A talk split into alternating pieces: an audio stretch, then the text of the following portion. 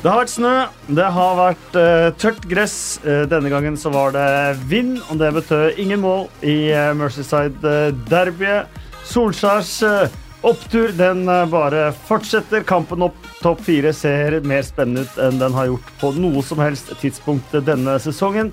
Erik Thorstvedts eh, favoritt XG, expected goals, eh, satte muligens en ny rekord sør i England i løpet av helga. Vi har faste spalter. Vi har Brede Hangeland om Scott Parker, og i studio Erik.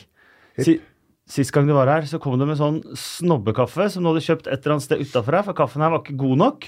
Nei. Eh, det er tydelig at det besøket gjorde inntrykk på det stedet du kjøpte kaffen. Jeg returnerte til samme sted i dag. Forbryterne vender alltid tilbake til åstedet. Skulle kjøpe en ny kaffe. Nedlagt. Eh, Jeg var den siste som kjøpte snobbekaffe. Etter det valgte de bare å pakke sammen. Så nå sitter jeg med et eller annet sånn eh, asfaltgreier som noen her på huset har kokt sammen. Og gjør så godt jeg kan.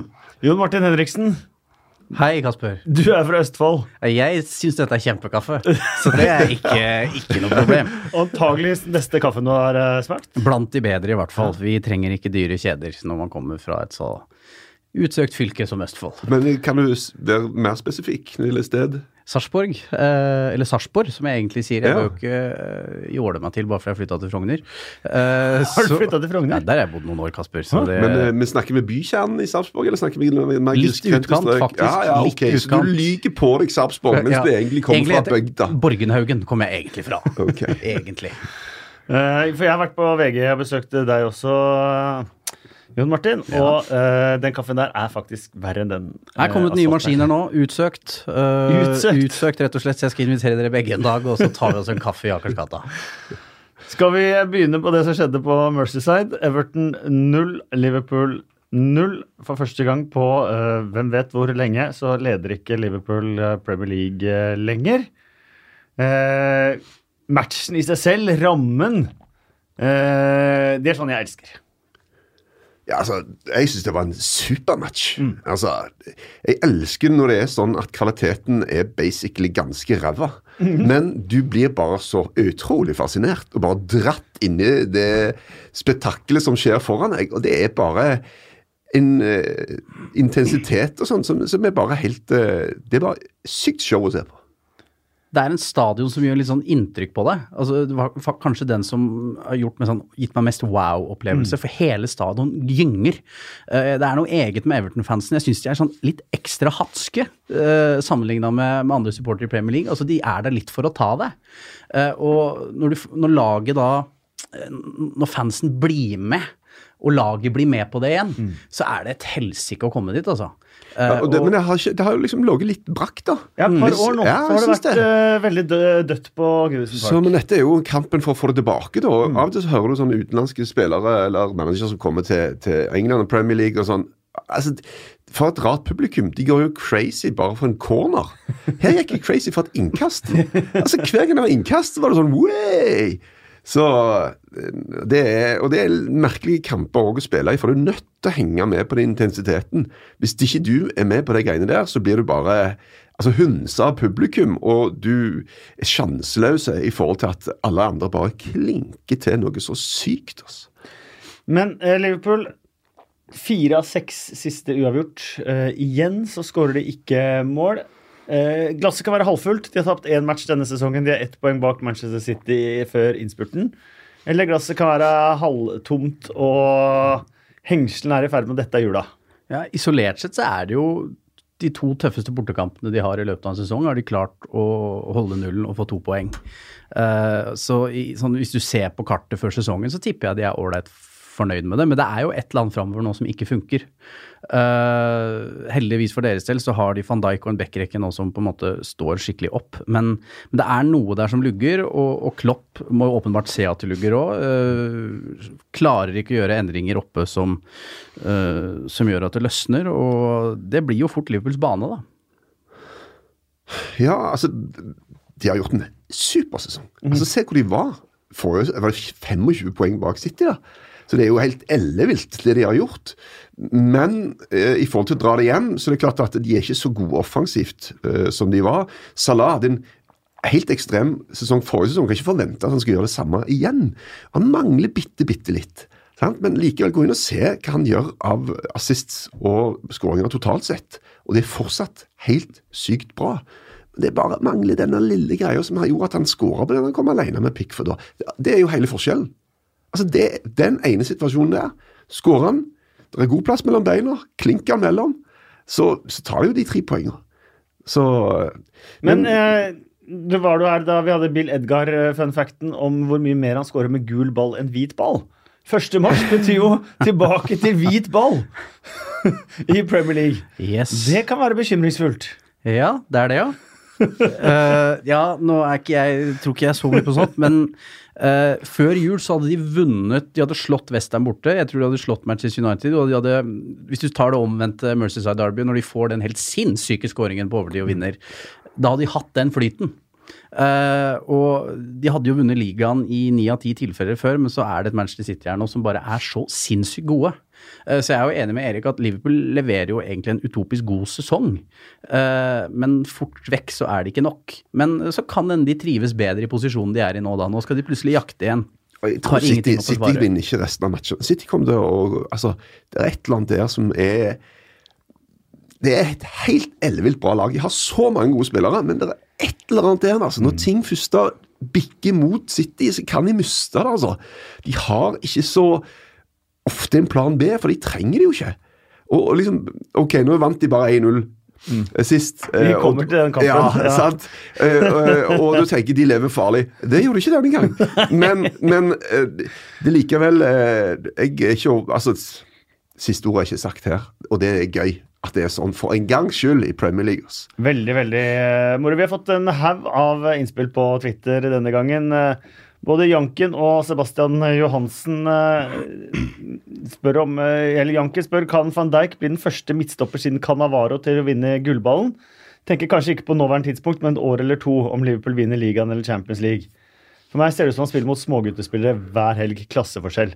Og det er nesten sånn som han har en sånn magnet i en radius av fem meter rundt seg. Der er det bare glem det. Og han står alltid riktig plassert, og klareringene går alltid riktig sted. Ja, og så er det, som engelskmenn liker å snakke om, prestance. Altså det er den derre eh, tryggheten han sprer, hvor svær han er. Uh, og jeg, jeg- setter han i kategori nå med sånn Tiago Silva, gutta i Juventus, uh, gutta i Atletico Madrid. Han er i absolutt toppsjiktet i verden. og det føler litt også at hvem som helst som er ved siden av han, blir gode. Det er noe med de lederegenskapene hans i tillegg til fysikken, til farten, til øh, målteften i tillegg. Han har jo hele pakka. Så jeg klarer på en måte ikke å, å ramse opp mange som jeg vil si er bedre enn øh, van Dijk. Og nok en gang, som vi har skrytt av Liverpool før, den tålmodigheten de viste, at de ikke kasta seg på en annen midtstopper som er svakere. De, de venta og venta og fikk den til slutt. Og Og vi fikk med oss et par følsomme bilder fra flyet der på veien. foran juletre Fra, ja, han var så lei seg, van Dijk. Nei, så han er, eh, han, han er helt rå, og den brikka de mangla, så hadde den trioen foran fortsatt som de, de har vært før, så hadde de jo blitt ligamestere. Så, Stein Collemore mener at eh, Manchester City bare burde betale det som eh, kan betales, om det er 200 millioner pund for van Dijk for van Dijk.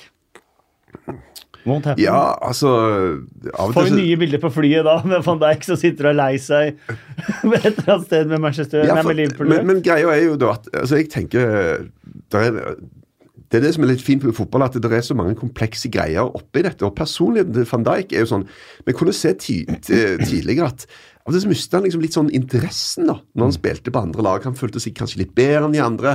Av og til så gjorde han bare litt sånn teite ting, for han konsentrerte ikke skikkelig. og sånt, og det har, Sånn har det ikke vært nå. Men det var jo en situasjon i matchen nå der han begynte å, å demonstrere og omtrent krangle med assistentdommeren ute på sida mens spillet pågikk. Inne i feltet. Og jeg tenker bare sånn Ok, hvis de ikke skulle greie det nå, kanskje går det en sesong og to, og de greier likevel ikke ta det der steget, hva skjer med hans syke? Og hans eh, tilfredshet må være der han er, da. Og med disse store greiene som kommer og ser hvor bra han er og har mye penger, så, så tenker jeg at han er en sånn type spiller som, som kanskje ikke er i Liverpool i ti år, da. At han er en som de kanskje må nyte mens de har han, for det er ikke sikkert at han at han kommer til å være der forever. Det gjelder veldig ofte, både ellers i livet og i hvert fall i fotballen. The way you get them, the way you lose them. Det har vi sett en eh, million ganger. Særlig i alle fall. i Liverpool. Altså, De har jo hver gang du føler at nå er de i ferd med å, å få det siste pusle, det brikka i puslespillet, så selger de Coutinho, så, så mister de Fernando Torres, Luis Suárez, eh, Raheem Sterling. Eh, så for Liverpools del får du for guds skyld håpe at han, han blir værende, for eh, han er vel på en måte nøkkelen til suksess for de, og i hvert fall, i hvert fall når det lugger framover. Helt kjapt eh, et eh, innspill fra Tor Magne Madsen. Everton gjorde det betydelig bedre under upopulære Big Sam sist sesong. Han startet også etter en forferdelig sesongstart. Klarer ikke se prosjektet til Silva, og dette handler mer om trend og fordommer enn fotball. Sexy med Silva framfor en engelskmann. Altså Det som var klart, var at det der Allardyce-prosjektet var så sinnssvakt upopulært. Altså Det var, det var no go, ass. ja. Ja, eh, så, så det var jo det riktige å avslutte det. Eh, for at det betyr noe hva de på tribunen syns om det de får se. Eh, men Silva har jo eh, Nå måtte de ut med fire millioner pund òg. I kompensasjon til Watford for å hente han. Eh, og det har jo ikke funka, men du får gi det en sjanse, da. Sant? Eh, Ferg- vi kan vende tilbake til det, hvor langt de tok for Førgesen å få ting på plass. Ole Gunnar ja, er- samme Nei, også, ikke Ole Gunnar, da. Beklager. Det, det, det, men det er det også jeg føler at Big Sam har et, kan makse det med fotballen hans til et visst punkt. Har du, spill, har du manager som spiller en kanskje med type utviklende fotball, da, så, så kanskje resultatene for, ikke nødvendigvis blir bedre med en gang, men at potensialet til bedring er mye, mye større. Eh, vi skal Ja. gå til Bournemouth mot Manchester City. Eh, vi kjører, holder oss i trofé Trofékampen. Manchester City vant eh, 1-0. Hvis man bare så på TV2s resultatapp, så ser det ut som de kanskje måtte slite seg til en 1-0-seier, men her er tallet jeg aldri har sett. Jeg bruker veldig sjelden sånne tall når jeg skal oppsummere fotballkamper. Du er mer glad i følelser, du. Mye mer glad i følelser. Du, er skaper, du maler bilder med Ja, ord, du. definitivt. Tall holder du deg langt unna. Langt unna. To i én Emma hadde jeg. Um, ballinnehav. eh, 82-18 til Manchester City. Uh, attempts, altså forsøk, 23 til Manchester City. 0 til Bournemouth. Cornere 14-0 til Manchester City. Og her tror jeg vi hadde 0 på XG. Expected Ja, altså goals. Det ikke er avslutninger på mål. for XG handler kun om avslutninger. Det handler ikke om å være i en god posisjon, men du fikk ikke av gårde et skudd. Så, så null, Og det har aldri blitt registrert før. Så lenge Oppda har mål, så er det aldri noen som ikke har hatt en eneste avslutning. Ingen avslutninger på mål er ganske vanlig, sant? men Ja. ingen avsløringer totalt sett. Det er en dårlig dag på jobben, ass. Så- Noen mener at uh, Lupen burde litt ned på Eddie Howe nå. At han kan ikke komme seg unna dette her lenger med å tape alle bortekampene og uh, ofte bli høvla over av, av de større lagene og sånt nå. Er det litt uh, strengt mot en liten klubb? Ja, jeg syns egentlig det. Men klart, eh, jo lenger du er i Premier League, eh, så glemmer vel også fansen at stadion stadionet din er liten, at du har mindre penger enn alle de andre. Eh, Og de, de brukte jo ganske mye penger eh, i, i fjor sommer, men eh, jeg syns det Bournemouth-laget er så kult. De, altså, de banka Chelsea for, for, for et par uker siden her. Eh, Så å tape 1-0 mot Manchester City hjemme, det syns jeg han skal få lov til. Ja, men det er jo spørsmålet altså, Hvordan taper du, da? Og det, Den diskusjonen jeg husker jeg hadde på lufta med, med Petter Myhre. Eh, for han mener at eh, ok, de må bare gå på noen smeller. For hvis de skal begynne å bli kyniske mot de store lagene, så vil det òg påvirke de når de skal spille mot de andre lagene som de skal slå. da. Men jeg mente det gjerne at du bør kunne spille på litt ulike måter. Eh, men nå prøvde de å Altså kanskje Ja, nå har du alle baller i forsvar. Ja, sant? Og, og de begrenser jo nederlaget.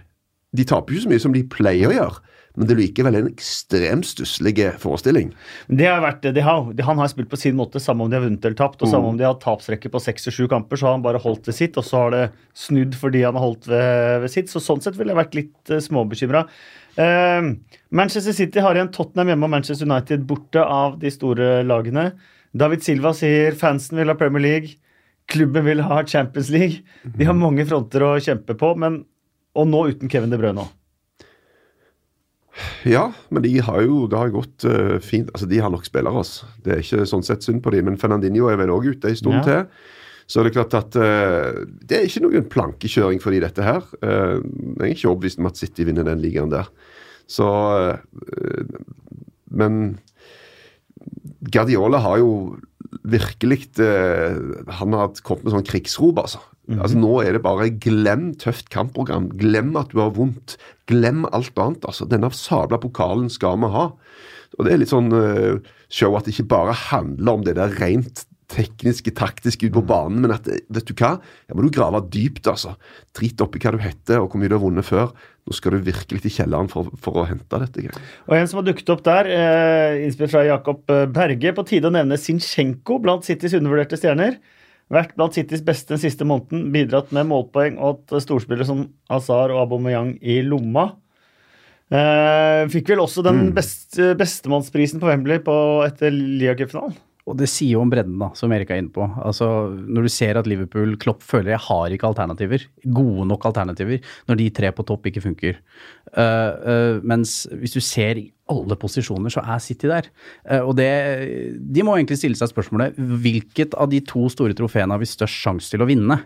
Uh, hvis du skal på en måte må prioritere på et eller annet tidspunkt. Og, og jeg tror David Silva har rett i at fansen vil ha Premier League, uh, men det er jo Champions League du blir huska for. Altså, de vil erobre Europa. De skal, de skal eneherske um, engelsk fotball.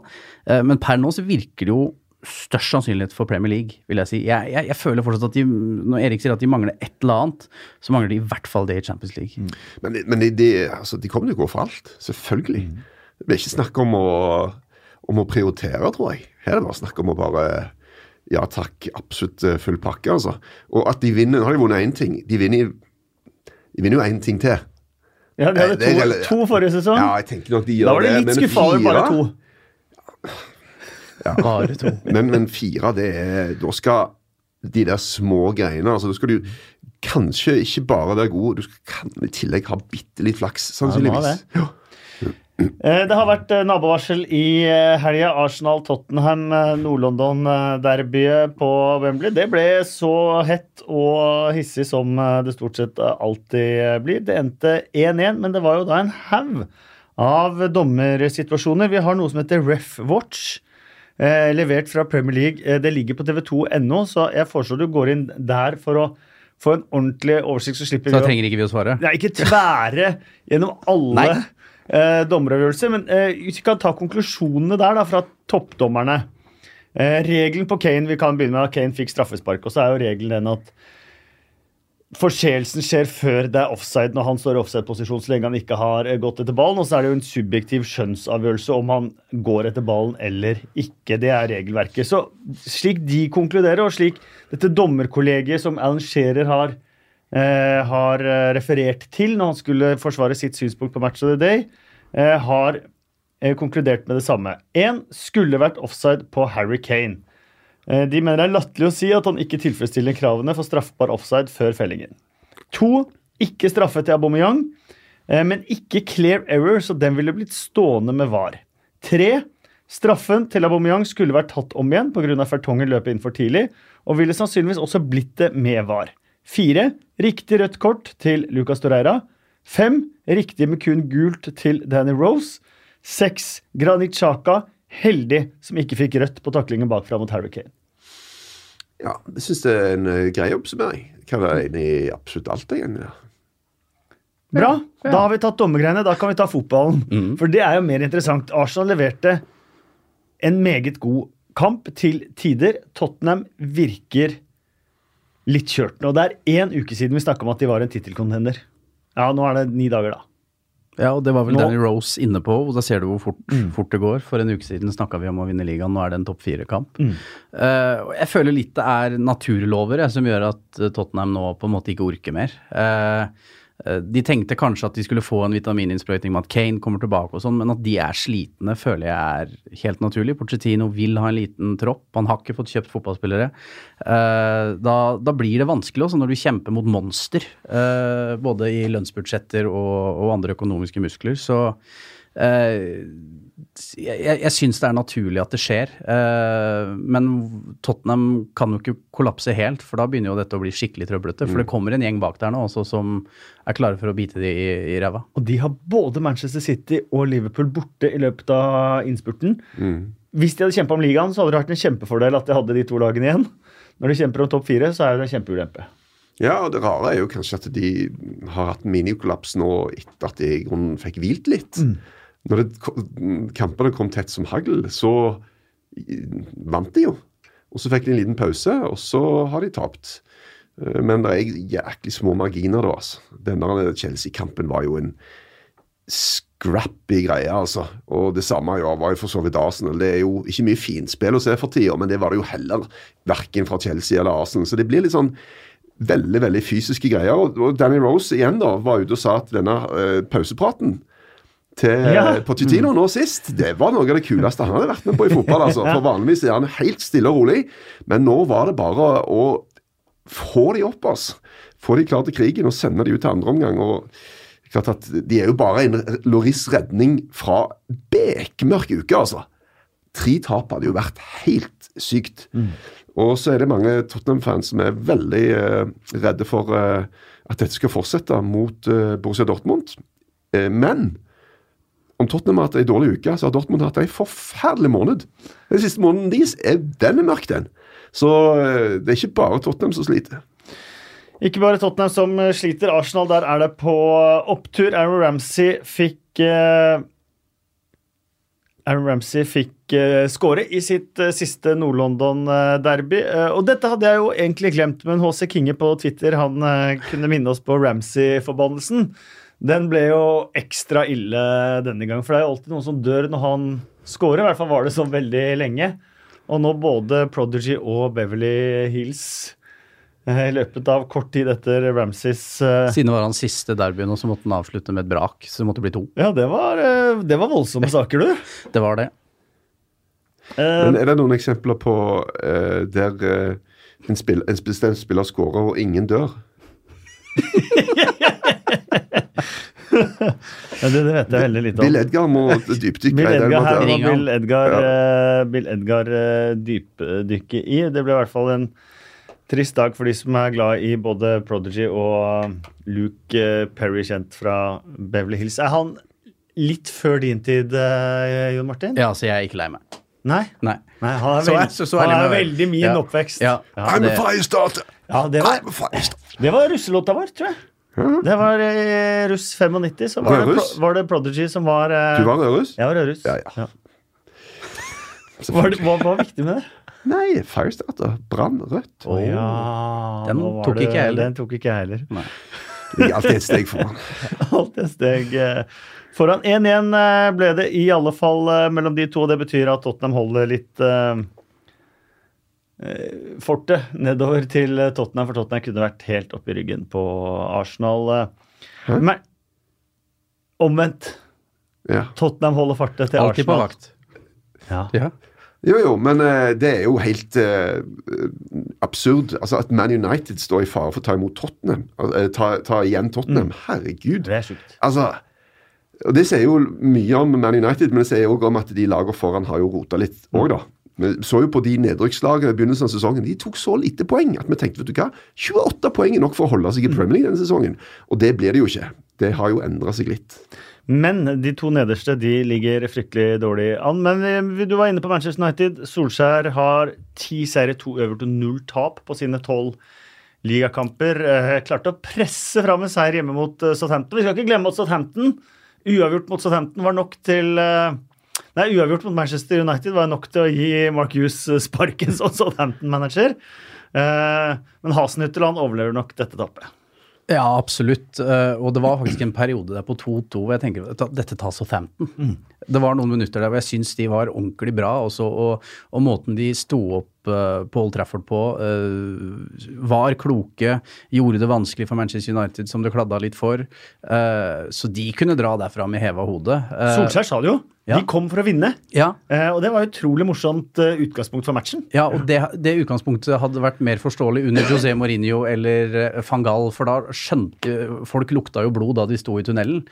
Mens nå er det jo mer tilbake til den gamle Old Trafford-frykten. Og at de da tør å gjøre det, syns jeg er imponerende. Og det Southampton-laget ser bra ut, syns jeg. Altså. Ja. Arsenal har gjort en bra jobb så langt. Jeg tror ikke de ryker, altså. La oss håpe det blir Cardiff. Eh, men eh, et par medvindssituasjoner for eh, godeste Solskjær der òg. I hvert fall to straffesituasjoner som fort kunne endt med straffe til Southampton. Ja, i hvert fall den med Ashley Young syns jeg er eh, Det er straffespark. Eh, der er Manchester United heldig, men så er det den evige flyten, da. Når du er i flyt. den e- Snakket om har du en hjemmefordel på Old Trafford. Ja, ja, du har nok sannsynligvis noen prosenter med deg når du er så stor og mektig. Um, men han fikk jo den seieren da, som han har sagt at han, han mangla i beltet sitt. Det har vært mye komfortabelt. Uh, uh, nå viste de karakter, noe det laget har blitt beskyldt over å ikke ha i, i, i mange, mange, sesonger under ulike managere. Så, så, det har den gjengen der. Romelu Lukaku som uh, blir skjelt ut store deler av matchen, men, men, men står jo opp, da.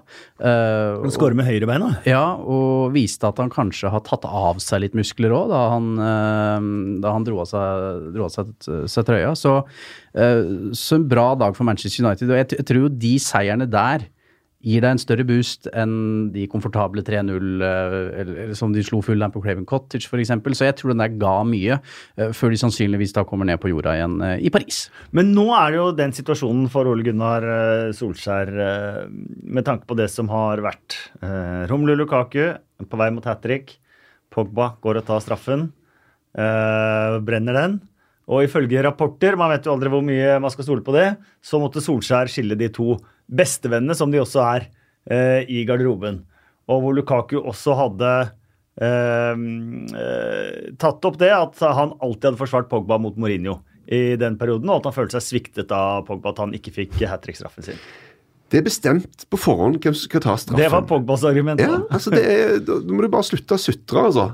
Klart du har lyst på, eh, på hat trick, men det er jo bestemt på forhånd hvem som skal ta straffene. Ja, men... Og Det er en veldig sjenerøs gest hvis noen gir det vekk, men du kan ikke forvente det. Så Ja, for det var, var visst også noe Lukaku har tatt opp, at Salah ga den til Firmino mot Arsenal. Nei, sa han det? Tror du det, Kasper? At de sto sånn Ja, men Salah ga den til Firmino? Jeg vet ikke. Nei. Dette er rapportene som kommer ut. Jeg var ikke der, så man bare forholder seg til det. Og så kan man jo også for ordens skyld si at dette man vet ikke troverdigheten i det som har lekket, men det er i hvert fall det, det, dette vi diskuterer. Ja, Problemet er bare at du kan ikke bomme når du har det tilløpet. Nei, det kan man ikke. Det er tredje gangen. altså, ja, Du er nødt til å score, altså, for det ser altså så grenseløst dumt ut når du, når du bommer. Uh, men han kommer sikkert til å gjøre sånn neste gang òg. Uh, eh, og har jo selvfølgelig ikke flyt der, men uh, jeg, jeg, jeg, tror ikke de to bestevennene jeg, jeg tror i hvert fall de har skværa opp. Jeg tror ikke dette blir en langvarig konflikt. Men det er i sånne situasjoner i hvert fall Solskjær må vise sin autoritet og pondus i garderoben. Ja, altså gjennom en nå, nå, tar han over. Alt flyter, alt faller på plass, men over tid så oppstår det alltid greier. Og Det må du forholde deg til. Du må forholde deg til taktiske ting på banen. Du må forholde deg til, til skader, store egoer. Eh, altså En, en, en bieffekt av at mange lykkes på banen, er jo at mange av de som sitter og ser på, ikke får lov til å være med. Og som har tro på seg selv og mener jeg burde vært utpå der. Um, og, så, så det er alltid masse, masse ting du må, eh, du må eh, handle som manager, og det, dette er jo bare én av de. Men Pogba vet jo innerst inne at han får skambank. Han kan jo ikke yppe til fight med Lukaku. Da ryker han jo noe så, så, sykt. For du så jo altså. den duellen der. Altså, jeg, jeg tror... Lukaku kommer løpende, ja. og den veggen Jeg husker ikke hvem det var, men som bare blir møtt av betong. Men det er jo fint å se for seg Solskjær mellom de to, da. jo, men, men jeg tror at, at Lukaku han hadde banka altså Pogba, Solskjær og Jim Solbakken samtidig. Det er helt overbevist. Han hadde tatt tre, tre på en gang. Vi må nevne han som redda straffen, da. Angus uh, Gunn. Han har jo snakket om her nå i podkasten før, uh, Erik. Jeg har sagt at han kommer til å være Englands førstevalg i løpet av maks to år. Ja, og vi vet jo hvorfor. Han er innmari god fotballkeeper. Ja, for vet du hva klubb han kommer fra. Ja, det vet vi jo. Vet vi hvilken by han har vokst opp i. Kan det være og hvem som var faren hans. Ja. ja. Men, men, han var jo inne, og så var han ute igjen. Og så var han inne igjen og det var litt sånn uh, Det var et stort intervju med McCarthy i en eller annen, uh, Alex McCarthy i en eller annen avis. da om liksom hvor bra det gikk, og alt var så pise. Samme dag så spilte han ikke. så, men han ser jo bra ut, da, syns jeg. Ja. Angus Gunn. Han ser ut som en god keeper.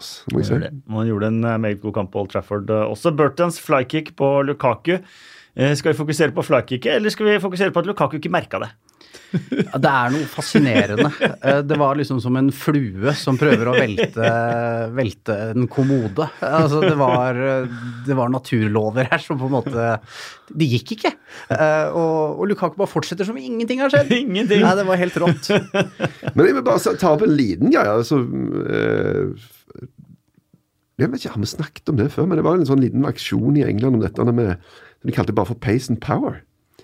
Om at så ofte kommentatorer og sånn, når det gjelder svarte spillere Ja, definitivt. så Det snakker de mye om uh, pace and power, og Lukaku er jo liksom litt Ja. i den kategorien. da. Og han gjør jo, Men han er, syns jeg, da, en merkelig blanding av uh, genialitet og kløneri.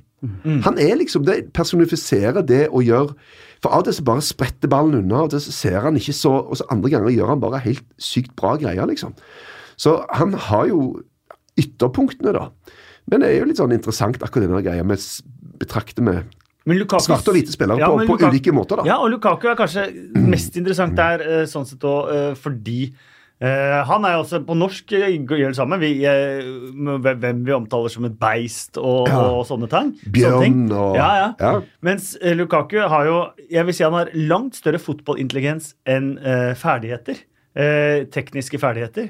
Han er en veldig veldig smart fotballspiller, og det er grunnen til at han også kan operere i forskjellige posisjoner der framme og løse de veldig, veldig bra. Ja, eksempel den eh, stikkeren han hadde til Jesse Lingard mot Liverpool, da, da Lingard må ut. eh, Det er jo den store sjansen, største sjansen i matchen. Eh, man mangler liksom basic ferdigheter, føler jeg. Ja. Sånn ta den imot, dempe en ball.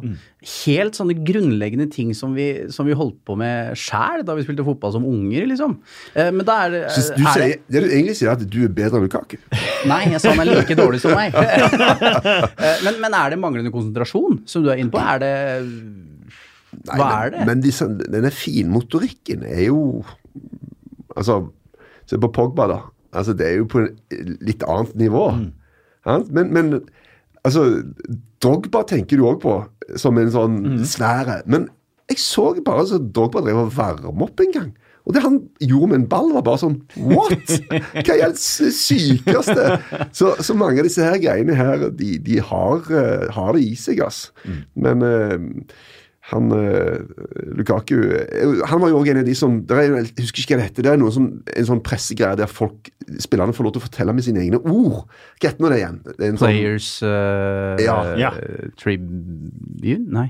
Ja, det er et eller annet. et eller annet. ja. Og han er jo en av de som har på en måte fortalt Og det syns jeg er utrolig gøy, da. Når, de fortel, altså når du får innblikk av hvor disse folk kommer fra. Altså hva som er bakgrunnen deres. Hva som har gjort at de er sånn som de er, og sånne ting. Og det, det er Ofte så sitter vi og er kyniske og kalde hjerter i forhold til mange av disse spillerne her, og så har de gjort en syk prestasjon bare med å være der de er, og, og er i grunnen eh, virkelig bra folk. Altså. Sant det. André Lauritzen på Twitter. Stor fare for røde briller her, men Andreas Pereira fikk meg nesten til å gråte da han drusa ballen opp i krysset.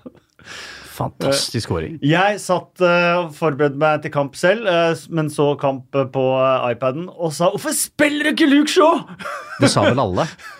Luke Shaw var jo nesten rasende altså, når han ser at han går for skudd. Eh, og du så jo Ole Gunnar Solskjær òg. Måten han feirer det målet på, var jo eh, ekstremt. Og han fikk jo bøtte med kjeft eh, av, av mange berettiga òg etter den 2-2-kampen mot, eh, mot Burnley. Absolutt. Eh, men veldig imponerende. Eh, og er jo en spiller det bor mer i eh, enn man har sett det nå, uten at han på en måte er top notch, da, tenker jeg. Vi har fått to nye managere i Premier League i løpet av kort tid. Brendan Rogers har tatt over Leicester, mens Scott Parker han har tatt over uh, Fulham ut sesongen. Han er tredje manager i eh, Fulham. Da Fulham rykka ned sist, i 2014, så var Brede Hangeland eh, kaptein. Og Scott Parker spilte på midtbanen da de spilte 2-2 mot Crystal Palace og tok farvel for den gangen. Så fra England så kan Brede Hangeland fortelle litt om sin gamle kompis, og hvordan han tror at eh, Scott Parker skal klare seg i managerstolen i Fulham. Vær hilset PL-podkastlyttere. Dette spilles inn eh, fra presserommet på Goodison Park. Eh, meg og Øyvind Elsaker forbereder oss til Everton-Liverpool, som starter om litt. eh, Og samtidig sitter jeg og ser på Fulham Chelsea på skjermen her, blant et enormt oppmøte av pressefolk. Ser akkurat nå at Chelsea har to, Fulham har ett mål. Eh, Og tenker på min gamle venn og lagkamerat Scott Parker, som eh, plutselig befinner seg i sjefsstolen på Craven Cottage, eh, og det blir utrolig spennende å se hva han kan få til der. Jeg vil jo si, eh, begynne med å si at eh, sesongen som Fulham har i Premier League, er skandaløst dårlig. Det er nesten ikke mulig å tenke seg at det går an å gjøre det svakere enn de har gjort det. I hvert fall med tanke på at de starta med et ganske bra lag og brukte en milliard kroner på å forbedre det laget og så lekker det som en sil bakover. Og det må et mirakel til for at de skal klare å beholde plassen i Premier League. Så er Scott Parker rett mann til å gjøre den jobben, da? Det er uvisst, eh, sånn som jeg ser det. Scott Parker eh, var en mann eh, jeg satte stor pris på, både som fyr og som lagkamerat. Han spilte med hjertet ute på drakten, og det er åpenbart det han prøver å installere i spillerne òg, at de virkelig skal, skal blø for drakten. og og vise supporterne at eh, de gjør absolutt alt de kan i denne vanskelige situasjonen. Men jeg stiller meg litt spørsmålet om det er nok. eh, for uh, Fulham har demonstrert en eh, katastrofal mangel på evne til å forsvare seg som lag.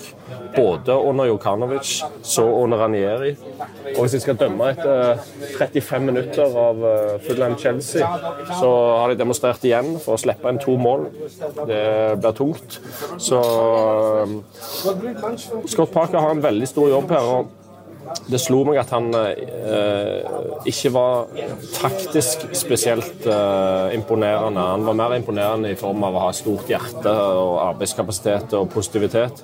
Nå har han jo fått med seg Stuart Gray, da, som eh, var ansvarlig for det defensive eh, i full av en periode, og det gikk bra. Eh, så kanskje Gray og Parker kan være en god kombinasjon. Men det er vanskelig å se for seg at de skal beholde plassen her. altså Det må et uh, mirakel av de helt sjeldne til for at det skal skje. Så jeg ønsker selvfølgelig Scott Parker all mulig hell og lykke, men jeg tror nok uh, realistisk sett at det blir en ganske kortvarig eh, rolle for han. Um, og hans navn er jo på en måte litt smitta av at han har vært head coach, assistenttrener under mange av disse managerne som Fulham har hatt de siste åra. Og mange Fulham-fans stiller seg spørsmålet om hvor god han er. Eh, Så håper jeg at det motbeviser kritikerne, men foreløpig ser det ikke sånn ut. Og når dere hører dette her, så vil jeg tro at eh, Chelsea har slått Fulham på Craven Cottage. For det blir nesten 3-1 rett før pause. Mens vi da kan prate bitte litt om eh, Chelsea. For Chelsea eh, For det første så var Kepa Arrizabalaga tilbake. For det andre så vant de en kamp igjen. Det var første gang de skåra på bortebane i 2019 i Premier League. Men etter å ha slått Tottenham og så vinne det derre Kunne potensielt vært et lite bananskall uh, her, så har Sarri runda et hjørne nå, eller er det bare sånn at han ser så vidt dette hjørnet? Det ser bedre ut, definitivt. Men det er klart de fikk jo mye skryt for eh, jobben mot uh, City i ligacupfinalen. Da var de, spilte de bra, altså. Eh, og mot uh, Tottenham. Men du kan si det på en annen måte. Det, det er 210 minutter med fotball. Det er to ganger 90 pluss ekstraomganger. Og de hadde til Regna du ut det så fort? Eh, ja. Og de hadde altså til sammen én avslutning på mål. Ja. Og, de, og den ene kampen vant de 2-0. Så det er jo ganske bisart, egentlig. Så det er jo ikke feiende flott, men stabilisert, det er det definitivt. Og jeg liker Sarri godt. Jeg håper han får det til. Et eller annet med den der han er litt sånn lite jålerigreiene han holder på med, som bare, virker bare som han er bare en sånn fyr som elsker fotball og bare brenner for saken. og, og så mm, litt usikker på hvor bra sånn man management han er, men jeg tror folk liker en, en fyr som ikke har så mange andre agendaer enn å bare lage et godt lag. da. Og Jeg tror de fleste spillere har respekt for det. Ehm, han mot Tottenham så vraka han keeper, Kepa Arisabalaga, eh, etter det som skjedde på Wembley. Caballero sto, eh, hadde ingen eh, avslutninger på seg, men holdt nullen. Og så var Kepa tilbake på laget mot Fulham. Eh, er det sånn at Caballero har grunn til å føle seg eh, rasende og forbigått, og at eh, dette her var altfor lite, liten tid i skammekroken på Kepa, eller er det greit bare, som Maritzo Sarri sa, nå setter vi han tilbake, så lukker vi dette kapitlet, og så er vi ferdig. Ja, for nå har han fått eh, en ukelønn eh, i, i bot. Eh, Han fikk én kamp på benken, og Caballero veit jo da han signerte for, for Chelsea at her er jeg for å, for å varme benken, og jeg skal være klar når jeg trengs. Uh, Det hjalp jo ikke da. å være klar når det trengs. det, det kan du si. Han var klar. Eh, men eh, da har de statuert et eksempel, og han kommer tilbake og står i en god match. Det, det var jo veldig viktig. Eh, Ja, men vet du hva, han har så dritflaks, altså. På det ene innlegget. At ikke Babel Altså, skåra der, ja. Ja, altså, det, hadde den gått inn Og det, det er jo egentlig har jo ingenting med Kepa å gjøre, for han har gjort sitt. Han har gått ut, han har mistet den ballen. Så om, om Babel følger med eller ei, har han ingen kontroll over.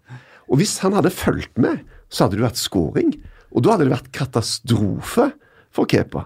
Så marginene er så sykt, sykt små. ass.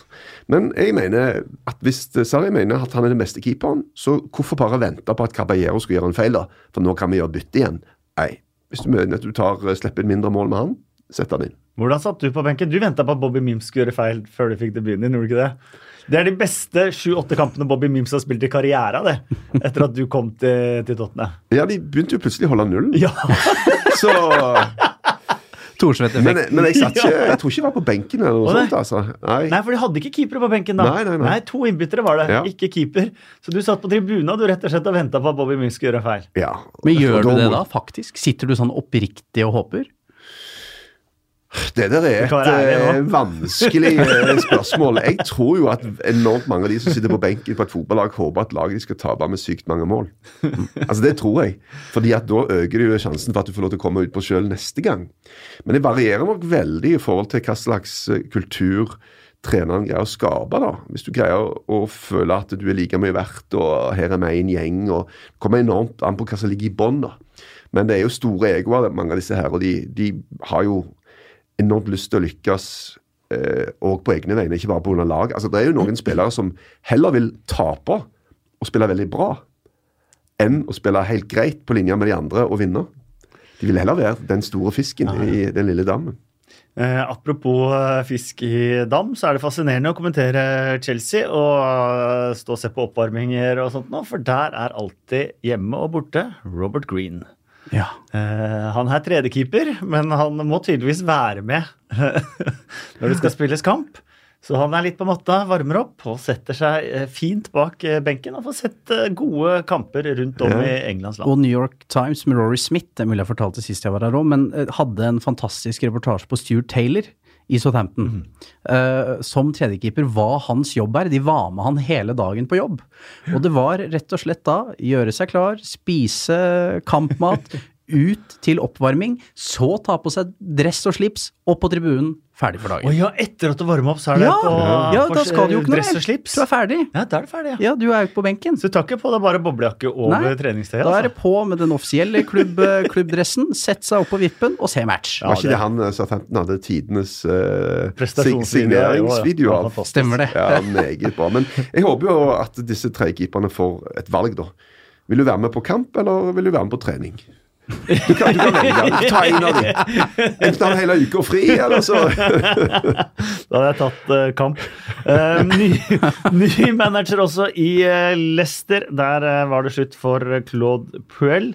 Nei, du vet hva, vi må ta med en fun fact som en skrev på, på Twitter her, før vi gjør oss helt ferdig med Fulham-Chelsea. For Henning Tafjord skriver på Twitter han, med, han har hørt det på Football Weekly, skriver han da. Men eh, Slavisa Jokanovic, altså Fulhams forrige manager, det var Ranieris første signering i Chelsea. Scott Parker var hans siste. Jeg vet ikke om det stemmer, men Ring, eh, det er, ringen er sluttet. det er en veldig fin ring. Men du veit at du ikke overlever når du har tre managere i løpet av en sesong? Det vet man veldig godt. Ja. Og den er, den er kjørt. Ja. Ti poeng går ikke an å hente inn. Dessverre. Hadde det vært fem poeng, hadde jeg sagt det går ikke an å hente inn det heller. Da skulle du fortsatt hatt 15 poeng nå da, på de siste ni, ni kampene antageligvis for å overleve. Ja, og Så Selv når du ser at Southampton egentlig er et bedre fotballag enn Ja, da. Fulham. det er helt uh, sjanseløst. Da går vi til uh, Watford mot uh, Leicester, for der var Brendan Rodgers eh, på benken igjen. Um, Watford vant 2-1 etter scoring på overtid. Men som Rune Bjerke skriver på Twitter, Brendan Rodgers tilbake i Premier League. Dødball imot før det har gått fem minutter. Alt ved det gamle. Alt ved det gamle. Han har jo fått mye pepper i eh, Celtic, Brenn Rogers, etter at han forlot dem midt i eh, sesongen. Um, og det forteller vel kanskje litt om eh, Premier League og skotsk fotballs status at man går fra Celtic til Leicester. Ja, og det er vel naturlig. helt naturlig, Han har vært i Skottland og på en måte rehabilitert seg litt. Fått ryktet sitt tilbake på stell. Vunnet det du kan vinne der oppe. Ikke gjort det veldig bra i Europa. Men uh, der øker vel bare avstanden, tror jeg, fra en del av de beste lagene til det resten av gjengen. Så er bare norsk fotball vi har blitt helt blitt enda lenger bak da, enn det vi var. Så, uh, men uh, jeg syns det er show å ha Brennan Rodgers tilbake. Han er en, jeg tror han er en bra trener. Jeg tror han kan gjøre noe med Leicester. Og syns synd på Puel, da. For at de hadde så mange gode prestasjoner på slutten mot veldig gode lag, og tapte likevel. De der små marginene bare vippa imot dem. Jeg så en sånn oversikt over hva som er verst.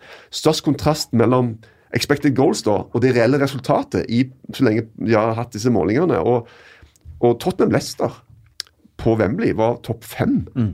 i, i Premier League eh, noen gang. Eh, og Tottenham var dritflaks og vant den kampen. De var gode mot Liverpool, gode mot Man United. så... Eirik Tollesen Watford skåra jo på overtid 2-1 ved Andre Gray, og Eirik Tollesen skriver på Twitter Watford skårer på overtid mot Leicester. Føler jeg har sett det før. Det kunne jeg det er, sagt. ja, det er det klippet, det. Ja, det, kunne, det, kunne, det kunne jeg sagt også. Uh, for jeg var på den kampen i playoffen. var du på den? Den var jeg på. Oi. Og ja, det skal du ikke lure på. Nei. Jeg hadde kommentert tidligere på dagen, så hadde jeg fly litt seinere. Du går ikke av veien for en ekstra match, du? Nei, jeg går ikke av veien for ekstra match. Så jeg dro ut dit, eh, så kampen Og kommenterte han. Nei, jeg har kommentert den. litt. jeg, jeg kunne gjort det, jeg fikk ikke billett, så jeg sendte melding til Peter Beagry, som jobbet for oss eh, da, og spurte om ikke jeg kunne være med han. Jo, jo, kom inn i Sky Studio med oss og se kampen derfra. Null problem. Men så hadde jeg litt tight med flyet eh, for å komme meg hjem til Norge etter dra, kampen. Eh, og så tenkte jeg hvis jeg skal prøve å finne taxi her når det er smekkfullt og alle skal ut samtidig, eh, så rekker jeg ikke det flyet. Så jeg fikk ikke sett disse Oi. scenene som utspilte seg i den playoff-semifinalen. Men du kan jo fortelle folk om det. hørte jeg om det som skjedde i, på radioen i taxien på vei ut til Heathrow. Leit. Det, det, det er en av de tingene som jeg aldri kommer til å bli borte fra sjela mi. Det er litt som å gå før Sergio Aguero scora det målet mot QPR. Bare for å unngå Ja, det er det samme. Ja. Ja. Men ingen skal tvile på din integritet, integritet eh, Kasper. For de fleste ville bare sagt 'jeg var på den kampen'. Ferdig med den saken. Ja. ja, men jeg var på Ja. kamp. Ja, Men så ville ikke lagt til den lille greia med at Men det gikk før showet begynte. Og jeg fikk en eh, flott opplevelse også. Sky Studio lå i, eh, i hjørnet på Vickers Road, rett over de 3000 Leicester-supporterne. Chris Powell sto der. Peter Beagrey sto der, og jeg sto der. Chris Powell, en meget populær mann blant Leicester-fansen. Så alle 3000 sang One Chris Powell, there's only one Chris Powell. Følte du at de sang til deg? Ja, nei, han, nei, han vinka og smilte, og alt så så du jo Peter Bigrey som sto ved siden av. Og så var det Peter Bigrey, what a wanker, what a wanker. Og han smilte og vinka. og så ble det litt stille, og jeg så liksom folk prata, og så var det bare Hvem er han? Who are you? Who are you? så da fikk jeg også vinka det. Eh, Noen kamper til var det også Brighton eh, trengte å vinne hvis ikke de skulle bli dratt rett ned i søla. Det klarte de. Slo Huddersfield. Oh, for en seier. Oh. Meget sterkt av Palace borte mot eh, Burnley. 3-1. Peter Crouch nære sin første scoring. Westham hyllet Billy Bonds. Eh, Mannen med 799 kamper, og nå Billy Bonds stand. Og så Declan Rice eh, og Mark Noble med scoringene. Da, Var ikke det, Declan den. Rice, eh, Sean Longstaff, uh, Derby? Det var det også. Veldig mange gode poenger inn i der. Men Mark Noble, som er De har vel reservert den siste langsida til han skal legge opp, så han får Mark Noble stand. Og så Declan Rice, som er liksom nye Billy Bonds, eller hva du skal kalle han, som dukker opp som, som skårer målene. Så bare for å gjøre den dagen helt komplett for Westham-fansen. Ja, en bra, eh, bra seier. og det, det, Westham har vel havna litt sånn i et sånt fint sjikte der de kan senke skuldrene og spille litt fotball og slippe å kikke over skulderen. Og, Ja, det kler det laget der. Med de, Lanzini er liksom back. Åh, og, fint å se han igjen. Ja, de har jo, så har de Nå jo, trenger de eh, ikke Arnautovic lenger. Nei, nei. De kunne latt den dra til Kina. Ja. Og Wolverhampton de slo Cardiff eh, 2-0. Hos Cardiff så spilte Kamaraza. Jeg vet ikke om dere hørte dette her. Eh, Men eh, det fysiske, eh, eller medisinske teamet til Cardiff har jo friskmeldt Kamaraza i to-tre uker. Men Kamarazas personlige eh, medisinske team, de har meldt han ikke spilleklar. Ja. Det er det man som manager må hanskes med nå. Det, det har ikke jeg hørt om så veldig ofte. Men da både Kamarazas personlige lege, fysio og personlig trener har sagt at nei, det låret der, det er ikke spillbart, det. Selv om det medisinske teamet til Cardiff har vært helt uenig. Ja, det er ganske spesielt. Og er nok, eh, sånne ting er nok vanligere enn det vi tror. Altså fight mellom en spilleres entourage. Ja. Om det er agenter eller eh, mediefolk eller eh, Twitter, styrer Twitter-kontoen deres eller medisinere. Så altså Joshua King har jo med egne folk når han er med landslaget. Altså De, de landslagsfysioene og sånn får ikke ha så mye med Joshua King å gjøre.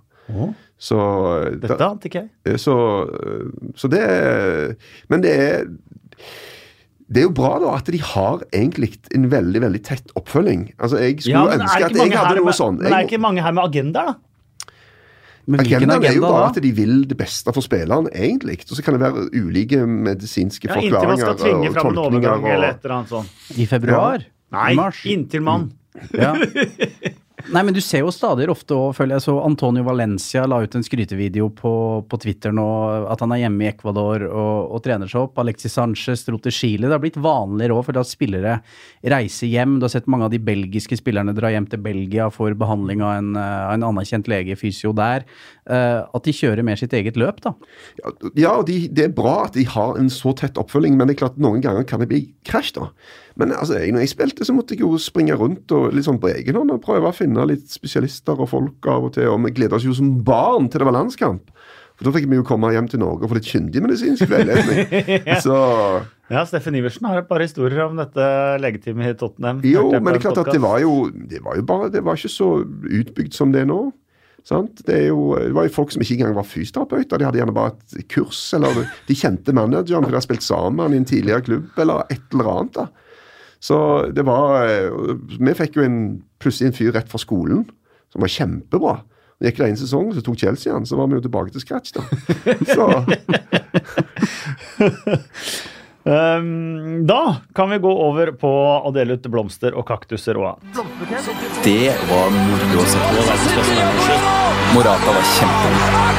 Hva i all verden? Hva er lov å si hvor mye det meg? Han snakka ikke om seg sjæl, han snakka om dommeren. Vi kan jo begynne med ukas eh, blomsterbukett. Skal vi gjøre det? Hvem er det som fortjener den eh, denne uka her? Henning Pedersen mener det er eh, Kepa Arisabalaga fra uttenkte cupkampen, henvist til benkenkampen etter til banens beste i helgen. Redde tre poeng til Chelsea. det var sterk uenighet i din påstand, Kasper, i studio om at han var banens beste. Ja, det skjønte jeg med en gang. Og så Ja. skjønte jeg at jeg kanskje tok i litt hardt. Men det var jo fordi at han dro opp den redningen helt på slutten, som tippa fra å ha vært blant banens beste til at her får han eh, prisen etterpå. Tenkte jeg. Og så må man fremheve keepere. Helt på slutten det var ikke den beste redningen Jo, men ganske tidlig. Eller han hadde en kjemperedning omgang. på slutten også som Ja, den headingen der, Ja. det var jo ikke en kjempe... Den første er en kjemperedning, mener jeg. da. Den der volley-greia. det- Var ikke headingen fra Mitrovic en kjemperedning? Altså, den tar du ti av ti ganger. Altså. Den, den må ikke i full strekk engang. Han må opp med armene og reagere på kort hold. Opp med armene. Jeg vet ikke om vi snakker om samme situasjon. Nei, eller? tydeligvis ikke.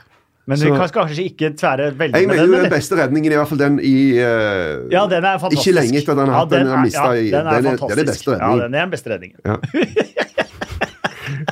Keeperen har alltid rett. Keeperen har alltid rett. Og han med 97 landskamper har ofte alt rett, han Ja, men De gir meg bare en sånn merkelig pondus som er helt totalt ufortjent. Jeg føler jo ofte at det er mye, folk som har mye bedre greier på keeperspill enn meg, de har helt sånn nulla for at det er liksom. Er ikke det litt deilig? Her, her sitter respekten tykt utapå veggene, Rik. Det skal du ikke lure på. Men har dere da eh, forslag til blomsterbuketter? Vi var litt inne på det. Eh, Mark Noble. eh, Jeg, jeg, så, på, jeg, jeg så på straffestatsen hans nå. Når han satt 33 straffespark for Westham. Og så følte jeg, eh, når du ser Westham Newcastle, det føler jeg er noe av det mest Premier Leagueske du finner av matcher. Eh, To enorme klubber som aldri er helt der oppe. To flotte klubber. Men Mark Noble som på en måte bare er der og fortjener en stand eh, på den forferdelige stadion etter hvert. eh, og, og stå for noe jeg bare, bare liker veldig godt, da. Så 33 straffespark. Jeg føler at med en gang Mark Noble skritter opp, så blir det mål. Og han måtte jo ta tilløpet to ganger. Han blir jo stoppa. Ja, ja, sant. Eh, Så ekstra press. Nei, så jeg syns han fortjener en kvast. Det er jeg helt uh, enig i. Og jeg fikk nevnt en av mine, heller ikke en av mine, min favorittstraffeskytter i oppveksten. Jeg vet ikke om han tok straffa på deg noen gang. Ray Stewart. Nei, jeg vet ikke. Hva Nei. var spesielt med hans straffer? At de var, alle var som den Mark Noble satte mot Newcastle. Jeg tror ikke han bomma én i karrieren. Ja. Det var helt sjuke straffer han satte hver eneste gang. Jo, han har bomma, altså. Den som har vært Ja, Mark best Noble har bomma, men, Men- Ray Stewart tror jeg gikk gjennom uten å bomme. Mesli Letitia har vært den beste. Han Og bomma én gang, hvem redda den? Du? Nei, det var ikke meg, ikke deg heller. Det var Mark Crossley. Det var, Mark, Mar, eh, det var Crossley. Mark Crossley redda Ok. den. Ja. Han satte 48 av 49. Ja. Og han, han har den beste staten, da. Sånn at jeg tror ikke vår, din vei, venn Ray Stewart kan ha noe bedre enn Ja, sånn som jeg husker det da jeg vokste opp, i hvert fall. Ja. Både som tiåring og Ok. tolvåring Ja. så bomma ikke han straffer. Men jeg har ikke noe eh, statistikk på det. Da gir vi blomsten til Mark Noble, da. Ja, eh, En liten parentes for meg. Jeg vil gitt den til Colo Touré. Ingen spesiell grunn, bortsett fra at han er tilbake på benken i Premier League. Da får han ukjent helten fra det. Ukjent helten. Kolo! Kolo, Colo! Og han skal antagelig synge sin egen sang i den garderoben flere ganger. um, skal vi uh, ta rundens øyeblikk? Er det Andreas Pereira sin scoring? Eller er det Pogbas straffemiss? Eller er det noe helt annet?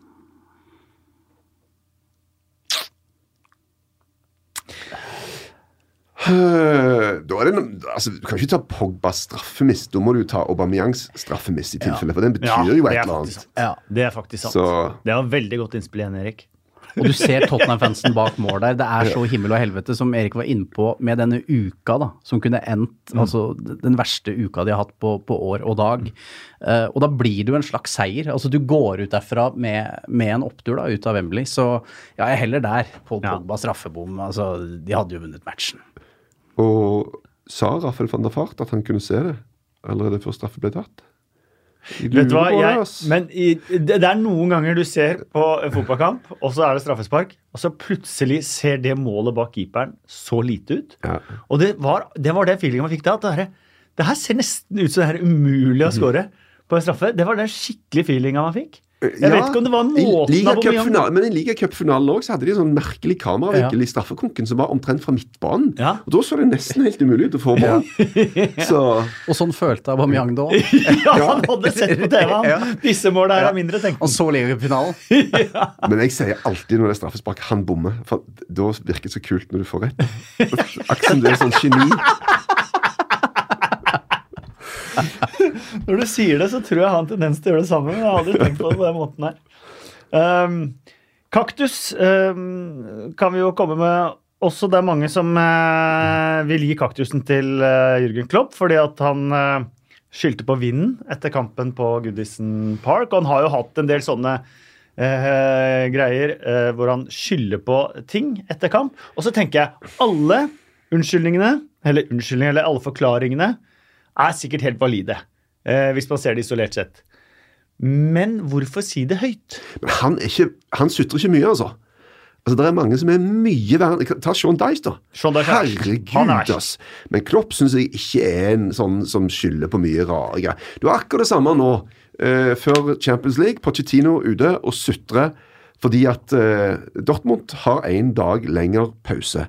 Og folk har, har ingen forståelse. Skader, tett kampprogram. Folk gidder ikke høre på det, de stenger av. Men han har helt rett. Forskjellen på. Mhm. to og tre dagers pause før en så viktig match er gigantisk, altså. Sant? Men, men, Kieran Trippier holder han hjemme. Blitt for mye kamper. ja. så, eh, men, men ok, folk orker ikke. Men jeg syns litt synd på trenere av og til.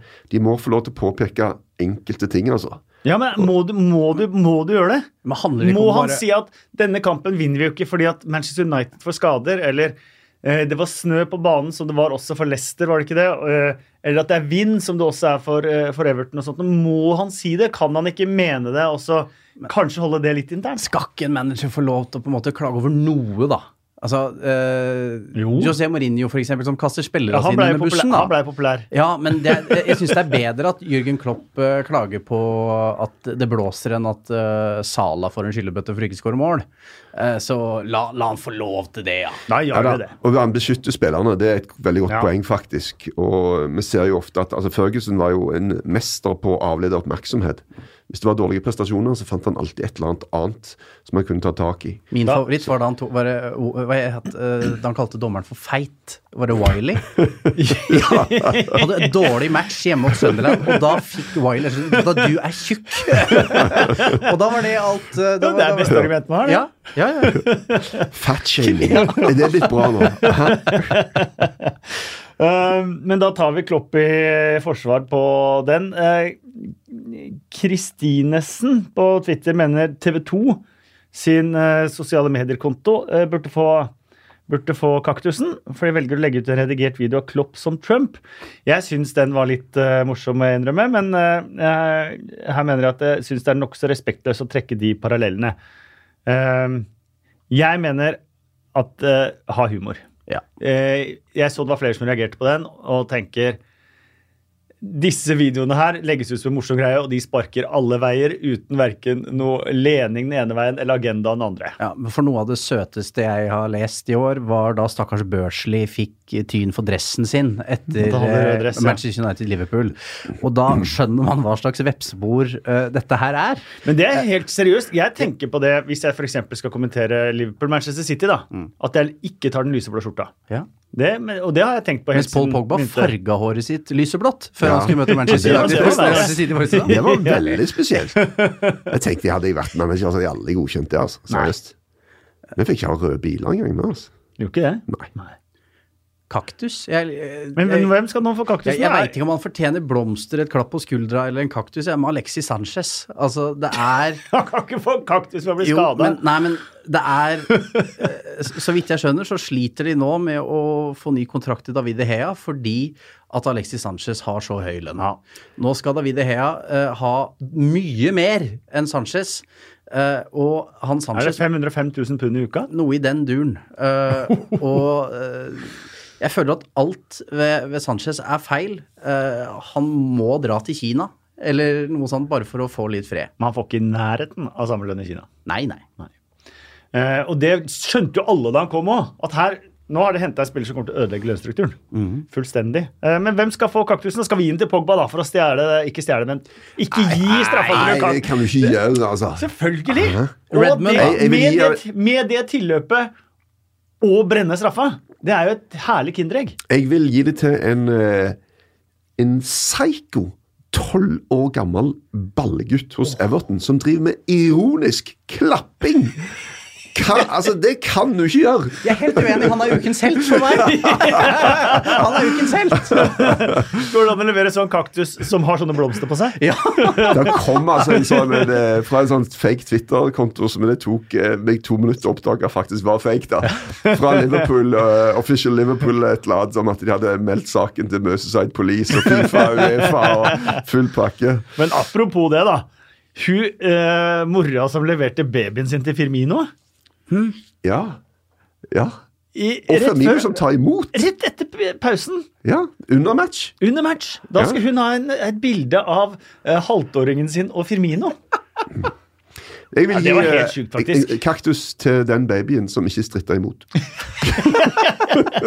Vedtatt. Vi gir ikke kaktuser til babyer her i dette eh, selskapet. Redman, da, som ikke fikk til Prøv bedre neste gang med å velte Lukaku. Burton, mener du? Burton, unnskyld. Ja. Ja, ok, da. Det var, var det en veldig sportslig runde, siden vi ikke har noen kaktuser å gi, nesten? Eh, Ja, det var sannsynligvis det. Ja. Jeg kan gi den til Granit Sjaka, da. Han satte jo litt knotter bak i Ja, eh, leggen på en der. Er enig. Det var Men- mye bedre. Vi gir den til Granit Xhaka. Men da må det være ditt forslag. For at hvis jeg tar sånne Arsenal-spillere, så får jeg så sykt mye tid. Så du må si det. Ja, for du er fortsatt bitter Har du no- har du etter no- at du ikke fikk arbeidstillatelse da du Har du noen forslag eh, til ukens kaktus, Kasper? Ja, vet du hva? Eh, det der Granit Xhaka holdt på med, og oh, ja. skulle vært vist ut Ja, av ja. Ja, jeg helt satte knottene i knehalsene på Harry Kane der. Fy. Soleklar kaktus. Ja. Da går vi til eh, Bill Edgar. Arsenals syv siste. Aldri skjedd! Første gang siden er den sjette spilleren. Fun factsene til Bill Edgar. Bill Edgar er statistikkmannen i eh, The Times. Eh, Noen ganger leverer han på en hylle som er så høy at ikke engang Erik Thorstvedt rekker opp. Andre ganger så er det eh, ikke, ikke helt der oppe. Denne gangen Det er føler jeg det er litt sånn Kasper Wikestad. ja, så jeg føler det er litt midt mellom, midt mellom der. Men han, noen ganger så er det jo ikke bare morsomme fun facts, men noen ganger så er det jo litt interessante òg. Vet du når sist en keeper ble utvist i Premier League?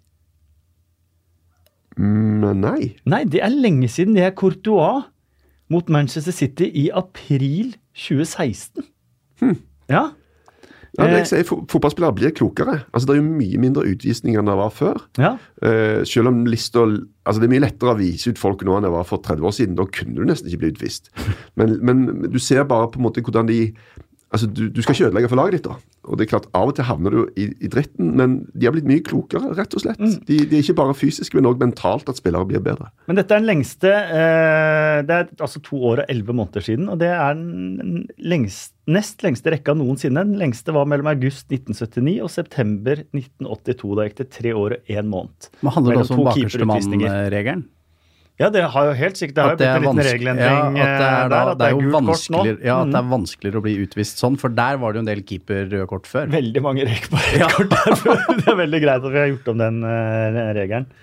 Eh, det går nå mot å bli samme topp seks, eller samme lagene på topp seks, for tre år på rad. Det er eh, første gang, i hvert fall siden krigen. Og det skulle bare mangle. Og ifølge Bill Edgar så er det antakeligvis almost certain første gang siden ligaen starta i 1888. Mm.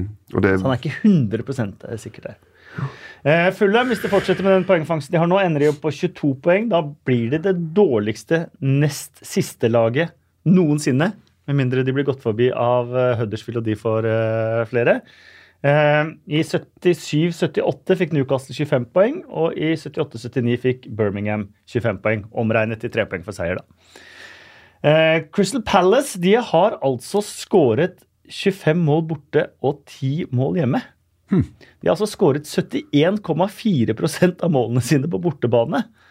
Eh, og det er den desidert høyeste andelen av bortemål som er registrert.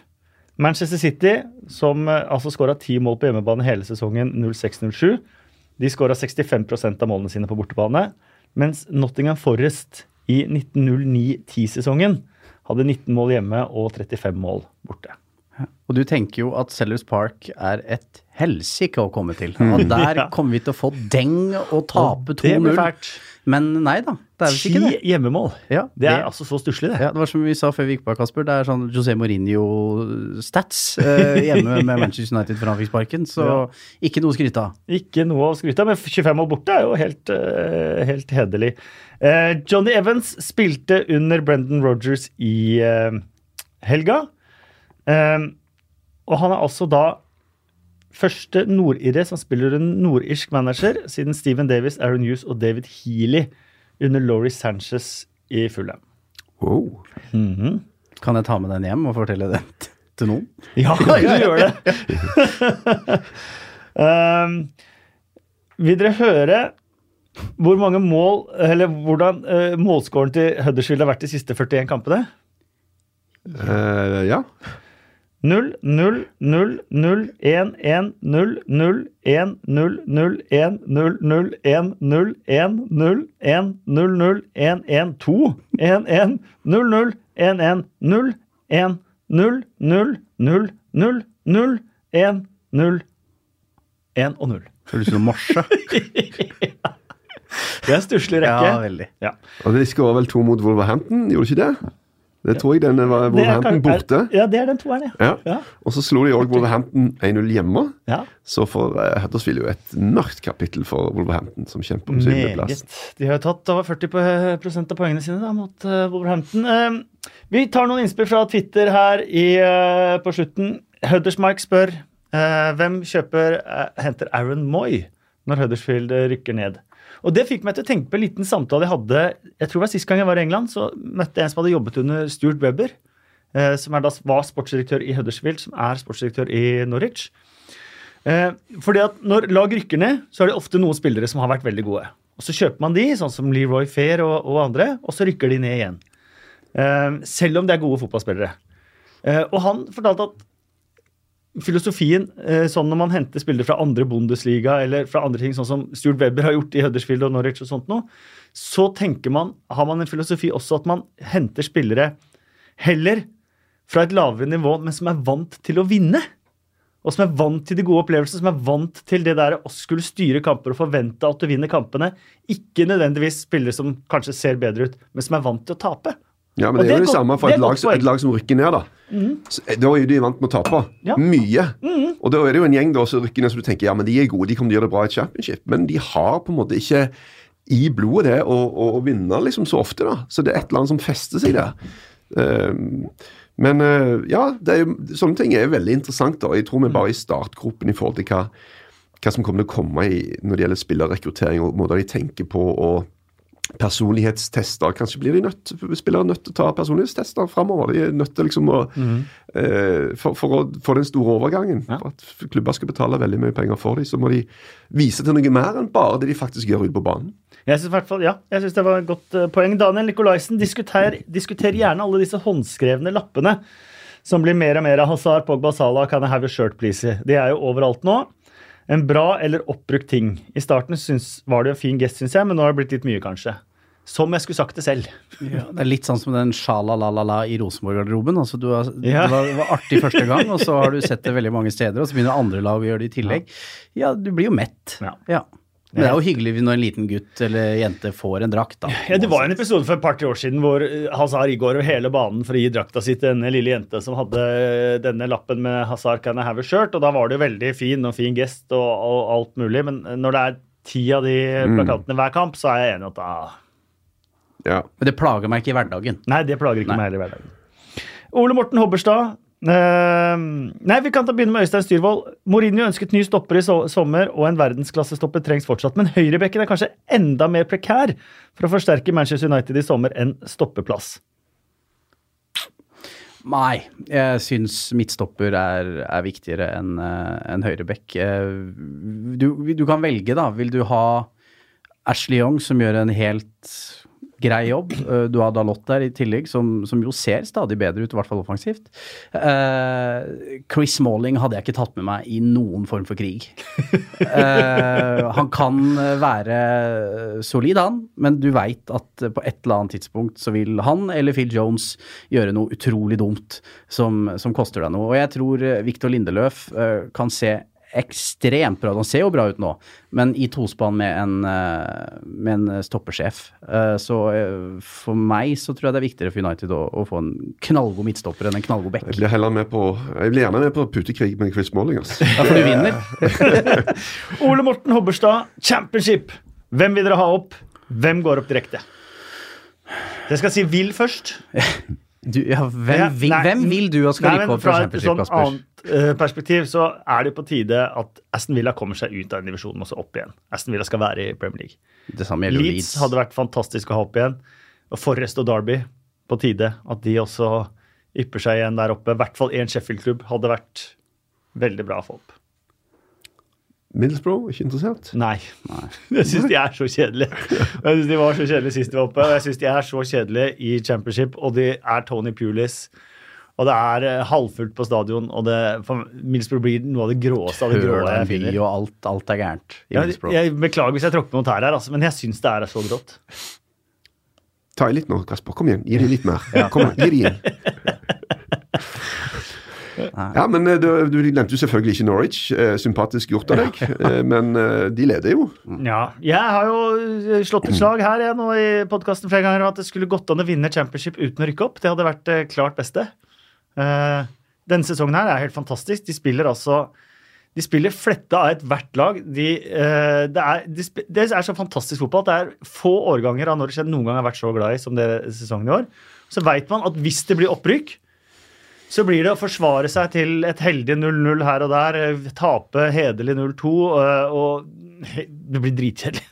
Så vi vil ikke rykke opp med Norwich? Det hadde vært veldig morsomt om man kunne hatt en liga som championship, hvor man kunne vunnet trofeet og vunnet ligaen eh, der, og blitt der og fortsatt hatt det kjempegøy. Interessant synspunkt der, Kasper. Jeg tror ikke er så mange Norge-fans som deler det med seg. Med. Jeg tror de fleste vil opp. Syns det er stas. Men ok.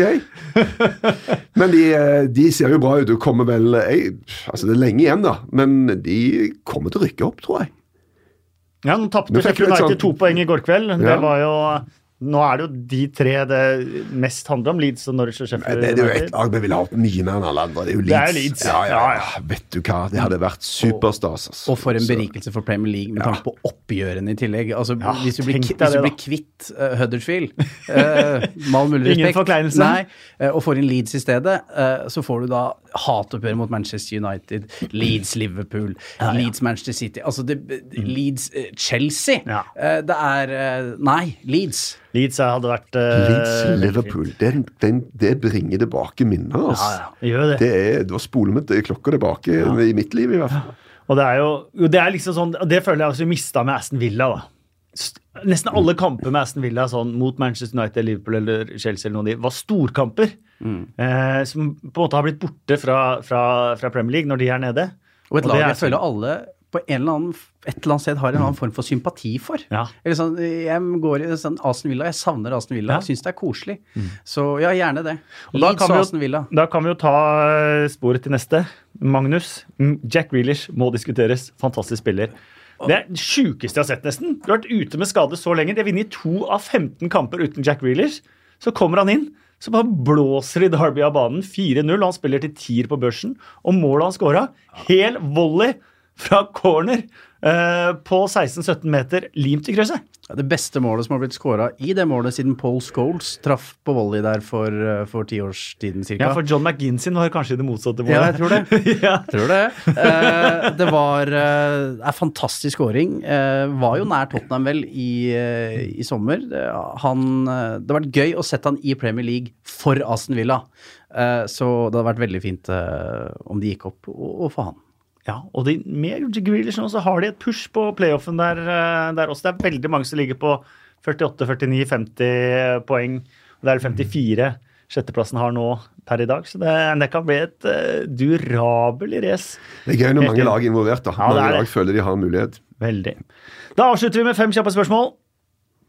Eh, Jeg har fått hjelp av alle disse fem spørsmålene av eh, Twitter. eh, Men jeg har ikke navnene bak hvert spørsmål, for da blir det ikke så fem kjappe. Men tusen takk for, for hjelpen der. Spiller Gareth Bale i Premier League neste sesong? Nei. Nei. Hvem er neste manager til å få fyken? Fem kjappe. Scott Baker. Ingen. Ingen? Hva om eh, Sarri mister jula?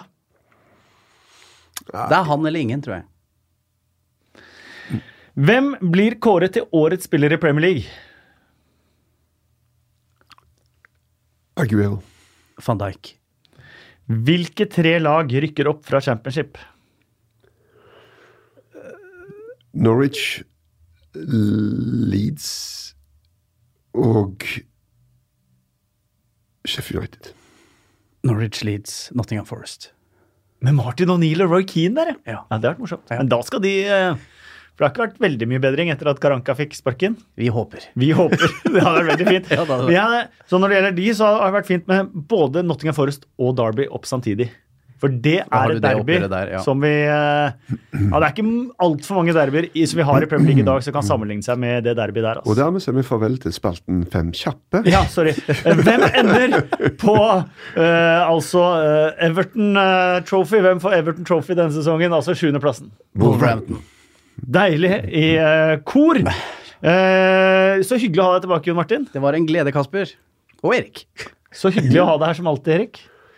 Ja, Det var en fornøyelse. God kaffe, godt Ja, selskap. nå har du asfalt uh, rennende gjennom årene. Nå må jeg på do. uh, tusen takk for at du hørte på også, og gå gjerne inn på iTunes og legg inn både rating og kommentar. Og uh, ta kontakt med oss på Twitter. 2PL heter vi der. Eh, og ellers ha en strålende uke. Lykke til med laget ditt, om de er i Championship, Champions League eller eh, Premier League. Og så høres vi igjen neste uke.